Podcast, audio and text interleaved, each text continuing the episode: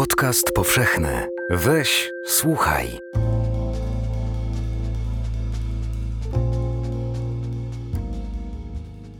Inaczej niż nauka. Literatura nie chce od nas chłodu poznania, ale też nie wymaga czystej żarliwości. Dobra lektura powinna być emocjonalna. Taki jest nietajony cel, ale też ciemna strona opowieści. Za Batajem powiedziałbym, że to jest nieprawa część literatury, kiedy ta odwołuje się do ciemnych emocji czytelnika, wzbudza je lub ożywia. Czytając lalkę, myślałem, dlaczego ta idiotka nie kocha Wokulskiego? To jest głupia myśl, efekt emocji, które powstają w trakcie lektury. Przecież nie ma wielu powodów, dla których ta młoda, piękna i inteligentna kobieta miałaby kochać mruka, aroganta pyszałka, przechodzonego wdowca. Jeszcze gorzej z Sienkiewiczem. Czytam i cieszę się, że Podbipięta lub Wołodyjowski zabili tylu kozaków, Tatarów czy Rusinów. Takie emocje, które wywołuje literatura są fatalne, niedobre, upokarzają mój rozum, a zarazem nie ma bez nich fortunnej lektury. Podobne doświadczenie prowadzi do podważenia truizmu dydaktycznego, że czytanie jest w oczywisty sposób dobre. To, co się dzieje z nami w trakcie czytania, wcale nie zawsze jest dobre. W lekturze bywamy sadystami, szowinistami, wydajemy niesprawiedliwe sądy, stajemy się stronnikami zbrodniarzy, ponieważ literatura właśnie to między innymi chce z nami robić wydobyć naszą emocjonalność.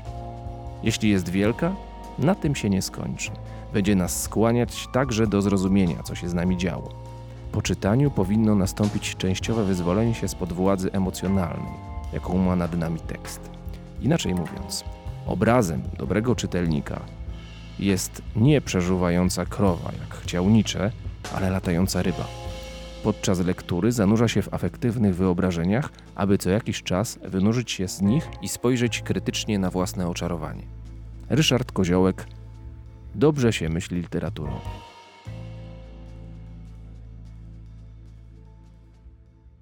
Profesor Ryszard Koziołek, bohater tego odcinka, związany jest naukowo i zawodowo z Uniwersytetem Śląskim w Katowicach. Od lat pisze o literaturze, ale niekoniecznie w duchu akademickim. Zdecydowanie bliższy mu jest język eseistyki. Rozgłos przyniosła mu książka wydana w 2009 roku, czyli Ciała Sienkiewicza, studia o płci i przemocy, za którą otrzymał Nagrodę Literacką Gdynia w kategorii esej. Interesują go przede wszystkim teksty i autorzy z drugiej połowy XIX wieku i początku XX, gdyż, jak sam twierdzi, to właśnie ta literatura jest najmniej doceniana i wciąż niedoczytana.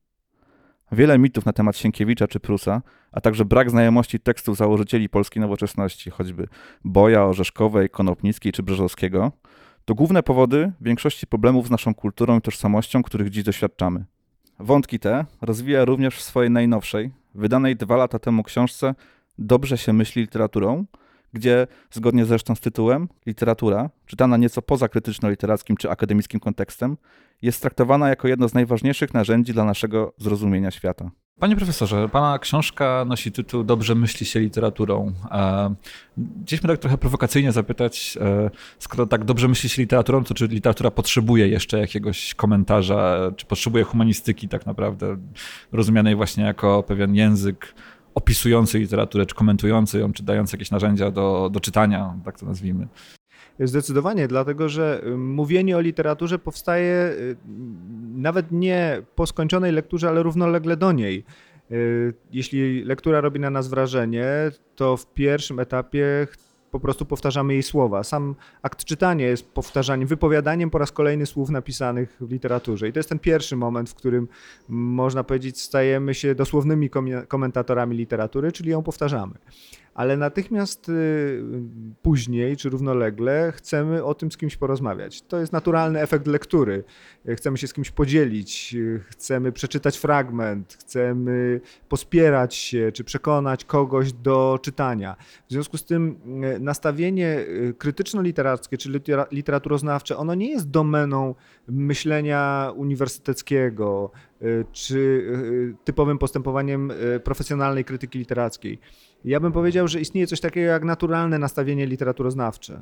Ono, ono powstaje y, równolegle w momencie, kiedy komentarz splata się z czytaniem książki. No właśnie, y, w paru, y, w paru esejach powtarza pan, że z tą humanistyką powiedzmy zinstytucjonalizowaną, tak, z tym szczególnie literaturoznawstwem, em, jest coś nie tak tym dzisiejszym, że pozostaje w takiej pozycji właściwie e, trochę podrzędnej wobec literatury, podrzędnej w tym sensie, że chciałoby uzyskać ten status, który ma literatura, ten status powiedzmy szerokiego oddziaływania, natomiast z jakichś przyczyn nie może tego zrobić. I e, ciekawi mnie, jaka jest ta, ta diagnoza, dlaczego, dlaczego z humanistyką jest po prostu słabo.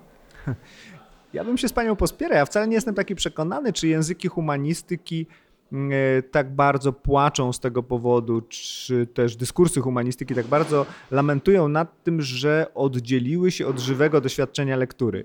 Ja myślę, że one sobie świetnie radzą samodzielnie, że dzisiaj y, dyskursy y, teoretyczne, wypracowane czy udoskonalone na komentowaniu literatury, świetnie radzą sobie w opisie innych aspektów rzeczywistości społecznej, politycznej, e, technicznej, konsumpcyjnej itd. E, I ja bym raczej e, oczekiwał, m, czy też postulował do powrotu do literatury. Do tego, żeby, żeby raczej wrócić do używania literatury samej, ponieważ Najczęściej dyskursy komentujące czy teoretyczne są po prostu słabszą literaturą, jeśli chodzi o ich zdolność do ujmowania świata w opowieści. Dla profesora Koziołka literatura nie jest miejscem, gdzie znajdują się gotowe odpowiedzi na nurtujące nas pytania.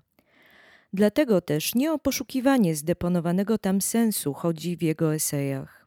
Odrzucając typową dla filologiczno-akademickiej perspektywy chęć tłumaczenia, jak jest naprawdę, skupia się na czymś innym, dużo ciekawszym.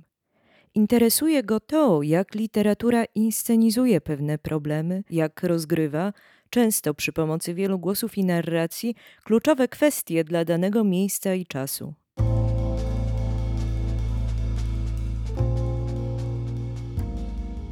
Nie dajmy się, doradza Sandel.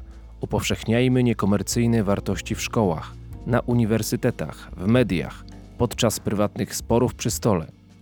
To, że można coś kupić, wcale nie oznacza, że powinniśmy to mieć za pieniądze. Nie inaczej myślał Prus. Napis ukryty we wnętrzu lalki nie pozwala jednak zapomnieć, że nawet w naszych najbardziej szlachetnych czynach i uczuciach zawsze mamy wspólnika. A imię jego jest pieniądz. Tu jednak dostrzegam szansę na opór. Nie tyle w uporczywym przeciwstawieniu tego, co można kupić, temu, co nie ma ceny, ile w przewrotnej zgodzie na to, aby istotnie wszystko stało się przedmiotem refleksji ekonomicznej. Konsekwencją tej zachłanności jest bowiem ostateczna klęska mitu ekonomii, jako czystej nauki. Rynek rozpostarty na całokształt życia wciela także wartości nieekonomiczne, brudzi pieniądze. Należy zatem przymusić rzeczników komercjalizacji życia do przyjęcia konsekwencji tej totalności. Jeśli chcemy, aby ekonomia zajmowała się opisem zachowań ludzi pobudzanych mechanizmami rynku, niech obejmuje wszystkie relacje, w jakich jesteśmy ze światem. A zatem także uczucia, moralność, metafizykę, ideologię, bezinteresowność. Spodziewany efekt to implozja, z której mogłyby się wyłonić na powrót inne opisy świata. Ryszard Koziołek dobrze się myśli literaturą. Ale y, z tego, co pan mówi, byłoby tak, że właściwie ta, e, te dyskursy literaturoznawcze czy dyskursy krytyczne odrywają się coraz bardziej od swojego przedmiotu i przechodzą w taką sferę e, komentarza właściwie bardziej e, pozatekstowego, tak? Że rzeczywiście to od, odejście od tekstu jest bardzo mocne. I pan w kontrze do tego upomina się bardzo zresztą konsekwentnie i, i sam, pan, sam pan to inscenizuje w tekście. Mm, Zresztą słowo inscenizacja też Tak, już jest ono jest bardzo ważne tak. dla mnie. Em, o, o powrót do znaczenia tekstu, czyli takiego znaczenia, które nie byłoby znaczeniem spoza tekstu, z tej rzeczywistości, o której Pan mówi, politycznej, e, społecznej. E, jak w takim razie rozumieć i jak docierać do tego znaczenia, które jest w tekście? Ono nie jest dla mnie takie ważne, Mhm. Y, choć na pozór mogłoby się wydawać, że najbliższa mi jest perspektywa hermeneutyczna, ale znaczenie, ustalanie znaczenia tekstu nie jest dla mnie ważniejsze. Natomiast pojęcie, którego pani użyła wcześniej, słusznie wyczytując to z, z, z mojego pisania o literaturze, mianowicie inscenizacja jest o wiele ważniejsza. Otóż literatura jest, posiada tę fenomenalną zdolność inscenizowania często abstrakcyjnych problemów, które w innych dyskursach są bardzo trudne do eksplikacji. Y, Trudno się nam poz- po, porozumieć, w, kiedy rozmawiamy o abstrakcyjnie o wolności, o prawdzie, o czasie.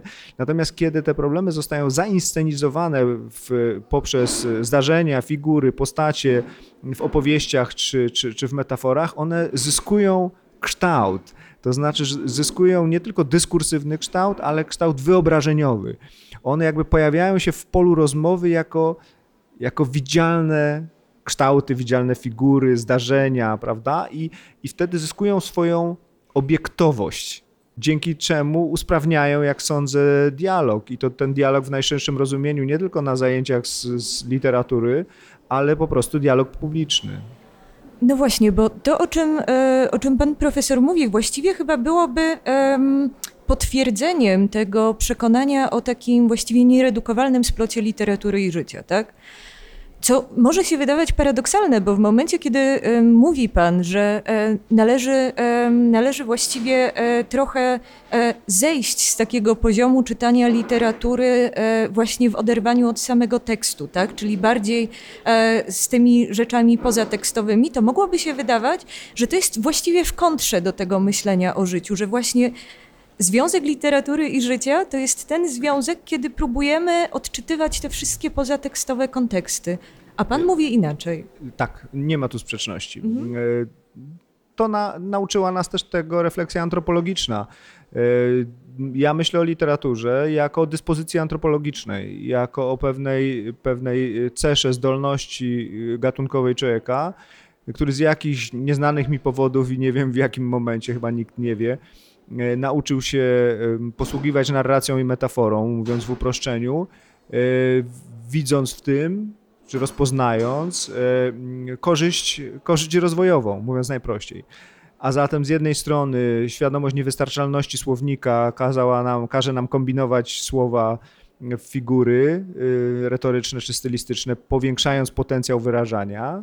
I wszyscy to robimy, nawet jeśli nie przeczytaliśmy ani jednej książki. Inaczej mówiąc, moja teza, nie- niepokojąca niestety dla mnie samego, brzmi taka, że bez względu na to, czy przeczytamy cokolwiek, czy nic w życiu, i tak y, korzystamy z, z dobrodziejstwa literatury. A z drugiej strony, jako jedyny gatunek prawdopodobnie, który ma świadomość swojej skończoności czasowej, y, wyjaśniamy sobie swoje życie i życie innych, układając je w opowieść, prawda? Szeregując je w porządki najczęściej przyczynowo-skutkowe, w ten sposób obrazując czas nadając mu znaczenie, prawda, temu, co się dzieje w czasie. W związku z tym narracja i metafora są w moim rozumieniu dyspozycjami gatunkowymi, no a literatura nas w tym doskonali. Więc, więc to nie ma tu sprzeczności między życiem a, a wnikliwym rozumieniem, jak to działa. Doskonałym przykładem tego, że literatura jest narzędziem, dzięki któremu nie tylko możemy lepiej zrozumieć świat, ale również w znaczący sposób go zmieniać, jest oczywiście proza Henryka Sienkiewicza. Profesor Koziołek, jak chyba nikt inny, potrafi odczarować tę postać i przywrócić ją współczesnej polskiej kulturze. Bo jeśli nie odkurzymy Sienkiewicza, stracimy na zawsze jednego z najważniejszych kronikarzy polskiej duszy. Podczas spotkania z profesorem Markowskim powiedział pan, że Henryk Sienkiewicz jest e, lepszym kronikarzem perypetii polskiej kultury niż na przykład Szczepan Twardoch. Jakby pan mógł trochę rozwinąć ten temat? e, W sensie, jak, jak, jak, to należałoby rozumieć? W jakim sensie Sienkiewicz byłby e, ciekawszy niż Twardoch, jeżeli chodzi właśnie na przykład o dzisiejszą tak, kulturę polską na przykład? No, nie wolno Sienkiewicza się pozbywać z pola refleksji. Nasz stosunek do jego pisarstwa nie ma tu kompletnie znaczenia. To znaczy, jeśli chcemy rozumieć historię polskiej kultury i wpływ literatury na nią i na życie, i to, to bez Sienkiewicza po prostu tego nie rozumiemy. Co mam na myśli? To, to, tych przykładów można, przykłady można by mnożyć. Ale po pierwsze, Sienkiewicz jest pierwszym, mm, pierwszym pisarzem, który dostarczył języka na tyle wpływowego, że chcieli nim mówić wszyscy bez względu na swoje wykształcenie i swoją przynależność klasową. To jest coś nie, nie, niebywałego. Ja nigdy nie mogłem zrozumieć, dlaczego Sienkiewicza czytali chłopi, którzy w jego twórczości z całą pewnością nie znaleźli obrazów swojego życia. Więc ten, ten, taka prostoduszna definicja, że czytamy literaturę po to, żeby żeby znaleźć tam obrazy społeczne e, swojej, swojej grupy społecznej, swojej warstwy, czy siebie samego, to była teza Lukacza, prawda? Dlaczego y, burżuazja XIX-wieczna się wsparła powieść. No więc w przypadku Sienkiewicza by to nie pasowało. Oczywiście Brzozowski mówi, czytaliśmy, chłopi czytali Sienkiewicza albo słuchali, bo nie potrafili często go czytać, dlatego że fantazjowali o życiu, o byciu szlachtą, czyli chcieli też nic nie robić. Ale to jest za proste, to znaczy y, oni zobaczyli, jak sądzę, w Sienkiewiczu język, którym sami chcieli mówić. To znaczy to jest ten język właśnie, który chce się powtarzać w lekturze, chce się go wyartykułować, trochę jak dziecko słyszy słowo lub frazę, która mu się podoba i chce ją powtórzyć, no potem pewnie ten, ten, ten rozwój, ta, ta, ta identyfikacja z, z Sienkiewiczem i jego bohaterami była głębsza i bardziej różnorodna. Z drugiej strony Sienkiewicz fantastycznie pokazał e, kompensacyjny wymiar literatury, to znaczy e, używanie literatury jako instrumentu wzmacniającego życie. To znaczy e, w XIX wieku Sienkiewicz zdawał sobie dobrze sprawę, istnieje coraz mniej powodów do tego, żeby chcieć być Polakiem. E, Nie mówimy oczywiście o patriotach i silnej świadomości polskości, tradycji i tak ale trudno znaleźć historyczne powody do tego, że, żeby mieć takie poczucie fajnie być Polakiem, kiedy przegrało się trzy powstania i nie ma państwa. Nie? E, Romantyzm zrobił fa- fantastyczną robotę w tym względzie poprzez mesjanizm, prawda? Usensowniając tragedię. Ale w momencie, kiedy jesteśmy nowocześni, podziwiamy narody, które się wybiły na niepodległość gospodarczą, polityczną i tak dalej, no to rodzi się to samo zwrotne, bolesne pytanie, kim my jesteśmy. I Sienkiewicz dostarczył nam powodu do tego, żeby powiedzieć, okej, dobrze jest być Polakiem. Użył literatury w tej funkcji, w której my sobie zbyt pochopnie żartujemy, pokrzepienie serc i tak dalej. Zresztą ta formuła została dopisana później. Natomiast on uruchomił tą maszynę kompensacyjną. On nam doładował tych sterydów e, fantazmatycznych i kto wie, może dzięki niemu nie zostaliśmy w znacznej części Niemcami, Rosjanami czy, czy Austriakami, mm, tylko chcieliśmy dalej mówić po polsku i, i fantazjować o tym, że historia może się zawrócić i być znowu nasza. Jeszcze na koniec może taki wątek, e, bo w swoich esejach bardzo często powraca pan do, czy kieruje się pan do literatury właśnie drugiej połowy XIX wieku, początku XX wieku. E, Dlaczego? Czy to jest taki najmniej przepracowany, w tym sensie właśnie najmniej, e, najbardziej zmitologizowany i taki no, Niedoczytany. niedoczytany po prostu, tak? Fragment naszej, naszej kultury? Powody są różne. Mm, e, Z jednej strony y, ja widzę XIX wiek, pozytywizm XIX-wieczny to jest początek polskiej nowoczesności. O nim to, to, to bardzo jest interesujące, dlatego że to jest pierwsze pokolenie, które, które próbuje myśleć o przyszłości jako kryterium najważniejszym dla życia, a nie o przeszłości jako czymś, co nas zobowiązuje i determinuje. Poza tym pokolenie, które głosiło wartości i cnoty nam bliskie, wolność, egalitaryzm, powszechne kształcenie, równość, tolerancja, Mm, więc łatwo się tam odnaleźć z z naszym światem. Z drugiej strony y, ważna jest perspektywa dydaktyczna, to znaczy dla kogoś, kto uczy, tak jak ja uczy literatury, y, pokazanie, że nasza szkapa jest fenomenalnie skonstruowanym opowiadaniem, to jest zdolność wywołania y, u studenta takiego a, niemożliwe. Więc jest w tym też pewien pragma, pragmatyczny mm, efekt dydaktyczny. Łatwiej zadziwić prawda, sztuką interpretacji czy sztuką analityczną na powszechnie znienawidzonym opowiadaniu, niż robiąc z nimi Szulca czy Gombrowicza, który, dla których komentarz zawsze będzie gdzieś tam dodatkiem i, i czymś słabszym od samej lektury. Inaczej mówiąc, pozytywizm nie potrzebuje. E, Szulc i Gombrowicz niekoniecznie. Dzisiejszy odcinek przygotowali dla Was Katarzyna Trzeciak. Michał Sowiński i Piotrek Żyła. Facebookową grupę Books Not Dead prowadzi Monika Ochendowska. Naszą promocją zajmuje się Patryk Stanik. Podobał się Wam odcinek? Koniecznie napiszcie nam o tym w komentarzu. A może nie zgadzacie się z czymś? Albo chcielibyście coś dodać? Też koniecznie dajcie znać. Cały czas czekamy też na Wasze pomysły i sugestie. Możecie nas słuchać przez iTunes, TuneIn, Stitcher lub w innych agregatach, z których lubicie korzystać. Jeśli nie ma nas tam, gdzie chcielibyście nas słuchać, dajcie nam o tym znać w komentarzach.